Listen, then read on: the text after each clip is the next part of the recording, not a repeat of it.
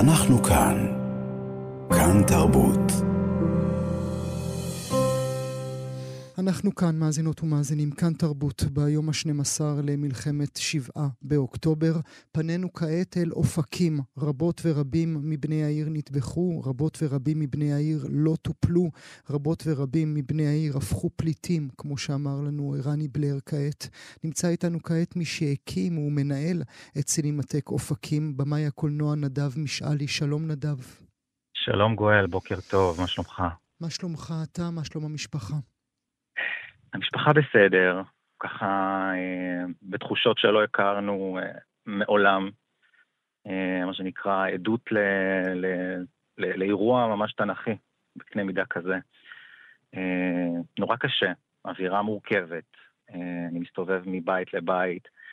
היום עם מצלמת הקולנוע, בין היותי יזם תרבות, אני גם uh, עושה נדבר, את המהלך נדבר הזה. על של... זה. נדבר על זה ברשותך בעוד רגע, רק כן, אמור לי, אתה ביום עצמו, באותו יום ארור, שבת, שבעה באוקטובר, לא היית בעיר נכון. אופקים, אתה היית אצל ההורים בפתח תקווה, אבל בני משפחה אחרים, חברים, קרובים, היו בעיר? היו עדים להזוועה הזאת? ודאי. קודם כל בני משפחה וגם חברים מאוד טובים שגרים בשכונה עצמה, בלב שכונת התופת הזו שנקראת מישור הגפן.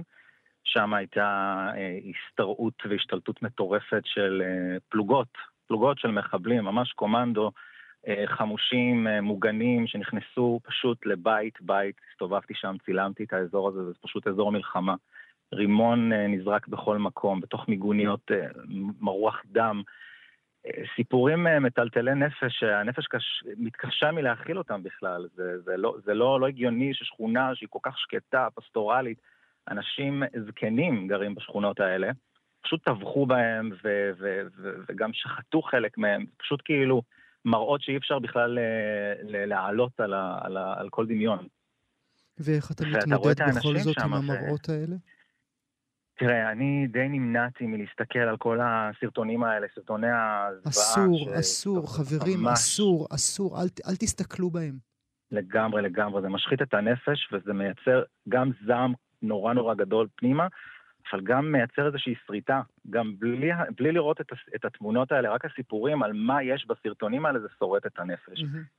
אז אני יכול להגיד לך שאני לא הייתי שם אמנם, אבל מה שנקרא אה, ליבי במזרח, אתה מקבל את ההודעות, אתה מדליק את הטלפון, אני שומר שבת ואני מדליק את הטלפון ואני מתקשר לחברים ואני מסמס להם ואני מבין שהם נמצאים תחת טרור, תחת מתקפה, הם עדיין לא איבדו את הסיטואציה בכלל של מה שקורה, הם רק שומעים יריות ו-RPG ו- וזה פשוט כאילו בלתי נתפס, ואתה מתחיל לקבל שמות של אנשים שאתה מכיר, ואתה לא יודע אם זה שמועה או לא שמועה, פשוט שבת של בכי, שבת ארוכה שלא נגמרת, שפשוט תחושות של צמרמרה וצמרמורת עוברים בכל הגוף שלך. ו- ו- וקשה לעכל את זה בכלל, אני כאילו עד היום לא, לא מצליח לעכל, ומדי בוקר כשאתה מתעורר אתה רק רוצה שזה יהיה סיוט, ותתעורר מהסיוט הזה. וכשאתה מגיע לעיר, וכשאני מגיע אחרי כמה ימים לעיר, ממש יומיים, אני פשוט uh, מתחיל לבכות. אני מבין ש- ש- ש- שאני דורך באדמה שבצע ברצח, טבח. והתחושות לא פשוטות. עד היום אתה, כל מכונית שעוברת, או כל מישהו שיוצא מאיזושהי סמטה, אתה, זה, זה, זה מלחיץ אותך. אני, אנשים שאתה מדבר איתם בטלפון, אנחנו הקמנו, ראש העיר והמתנ"ס והרווחה הקימו חמ"ל ממש של הפוגות לא פינינו את כל תושבי העיר, אבל אנחנו מפנים אותם למלונות, לתת להם איזשהו מרגוע, איזה קצת נחת. כן, אבל, לא אבל, אבל גם, גם דובר רבות, נדב, אודות אותם אזרחיות ואזרחים אה, גיבורים המתגוררים נכון. באופקים, שלא קיבלו את המענה אה, שהם אה, היו זקוקים לו. איך אתה מתוך השטח עצמו מרגיש אל מול האמירה הזאת? אז תראה, אני חייב להגיד שאני קצת בדיסוננס מול האמירה הזאת. כמובן שאני מניח שעוד משרדי ממשלה עושים ויעשו ומוכרחים לעשות לעשות את העבודה שלהם. וכל שאננות בעניין הזה היא פשוט, היא פשוט עוולה.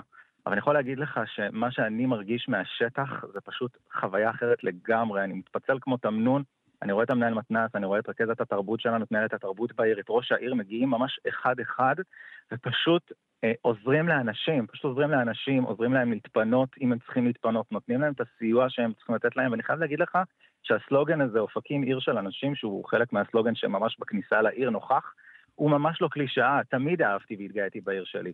אני חי בעיר שלי, הקמתי קולנוע בעיר שלי, אני מאוד מאוד גאה בעיר שלי. היום אתה מבין שליטרלי כל הנושא הזה של עיר של גיבורים, בטח בשגרה, אתה רואה את ההירתמות של אנשים, אבל היום אתה פשוט, זה מחמם את ליבך, וזה עוד יותר גורם לי להבין כמה אני אוהב את המקום הזה וכמה אני, תחושת השייכות שלי מתעצמת עוד יותר. Mm. והפחד, אתה יודע, מצטמצם לאט לאט, החשש, הפחד, החרדה מצטמצמים אל מול המראות האלה של ההירתמות, המעורבות, הערבות ההדדית הזאת שאתה רואה בשטח. טוב, אנחנו רואים באמת את הערבות ההדדית שעליה אתה מדבר, אה, נדב, לאורכה ולרוחבה של, של, של הארץ כולה, לאורכה ולרוחבה נכון, של נכון, הארץ נכון, כולה. נכון. אני רוצה שנדבר אה, מעט אה, בעיניך על תפקידו של, תפקידה של התרבות ותפקידו של כן. הקולנוע בפרט, mm-hmm. שזה הכלי שלך. אני רק לפני כן, אם, אם תרשה לי, אה, לא יודע אם תרשה לי, אבל אני אקח את הרשות בעצמי, אני רוצה להתגאות בך. כי uh, רק לפני רגע ממש זכית בתואר גיבור השנה על ההקמה של הסינמטק החברתי באופקים במסגרת מיזם קשת 12 ומפעל הפיס, באמת זכייה מרהיבה. אתה, אתה הרגשת שההקמה הזו של פרויקט הקולנוע באופקים uh, נתן משהו לתושבים, לאזרחים שלא היה להם קודם? חד משמעית כן. יכול להגיד לך שאני גדלתי רק על זיכרונות של קולנוע בעיר, וכשהייתי ילד או נער הייתי יוצא החוצה, והזיכרונות האלה כל כך בעבעו בתוכי, mm. והם שהביאו אותי גם לאהוב mm. קולנוע וללמוד קולנוע, תואר ראשון ושני בספיר, ובדיוק דיברת עם רני בלר, וגם mm. יש לי מה לומר על מה שהוא אומר על תרבות.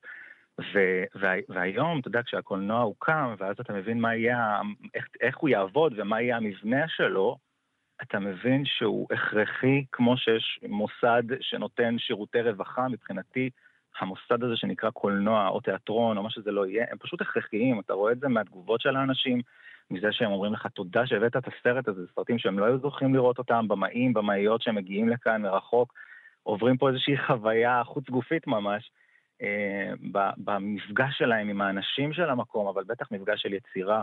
אה, עם קהל פה היא יוצאת דופן, וזה הערך המוסף גם של המקום, שהוא מפגיש בין אנשים כל כך שונים, מהקיבוצים אגב, מאותם קיבוצים של מועצה אזורית אשכול ומרחבים, שאני מכיר את חלקם שהיו מגיעים אלינו, ואני מדבר איתך עם המון אמוציות, וגם חברים טובים ש- ש- שהלכו לנו. וזה אנשים שהם נפגשו כל הזמן עם אנשי אופקים, והיה חיכוך פשוט מדהים ביניהם. מבחינתי זה המקום הזה החברתי, זה המקום שמאפשר את המפגש. קודם כל עם האנשים, וזה שינה לחלוטין את פני התרבות בעיר והתפיסה שלה. אה, ותשמע, שבע שנים להחזיק מקום כזה, הם לא באו, הם ישבו כל ערב, הם, הם צפו uh, ב- בסרטים uh, איטלקיים בדיוק. ישנים uh, משנות ה-40? גם כאלה, גם רטרוספקטיבות, גם קולנוע תיעודי חדש מדוק אביב, וגם פסטיבל קולנוע דרום, פסטיבל קולנוע דרום המדהים שאנחנו בשיתוף פעולה איתו כל כך הרבה שנים. הם חלק מה, מה, מהשיתופי פעולה שלנו. זה כל הזמן נצמד לשיתופי פעולה עם, ה, עם הארגונים והגופים בעיר, כי אתה מבין שאי אפשר בלי זה. כלומר, זה לא יכול להיות איזושהי תרבות שמונחתת עלינו מבחוץ ומגיעה mm, ככה mm, באופן תלוש. זה אף פעם לא מצליח כשזה מונחת. זה אף פעם לא מצליח, בדיוק.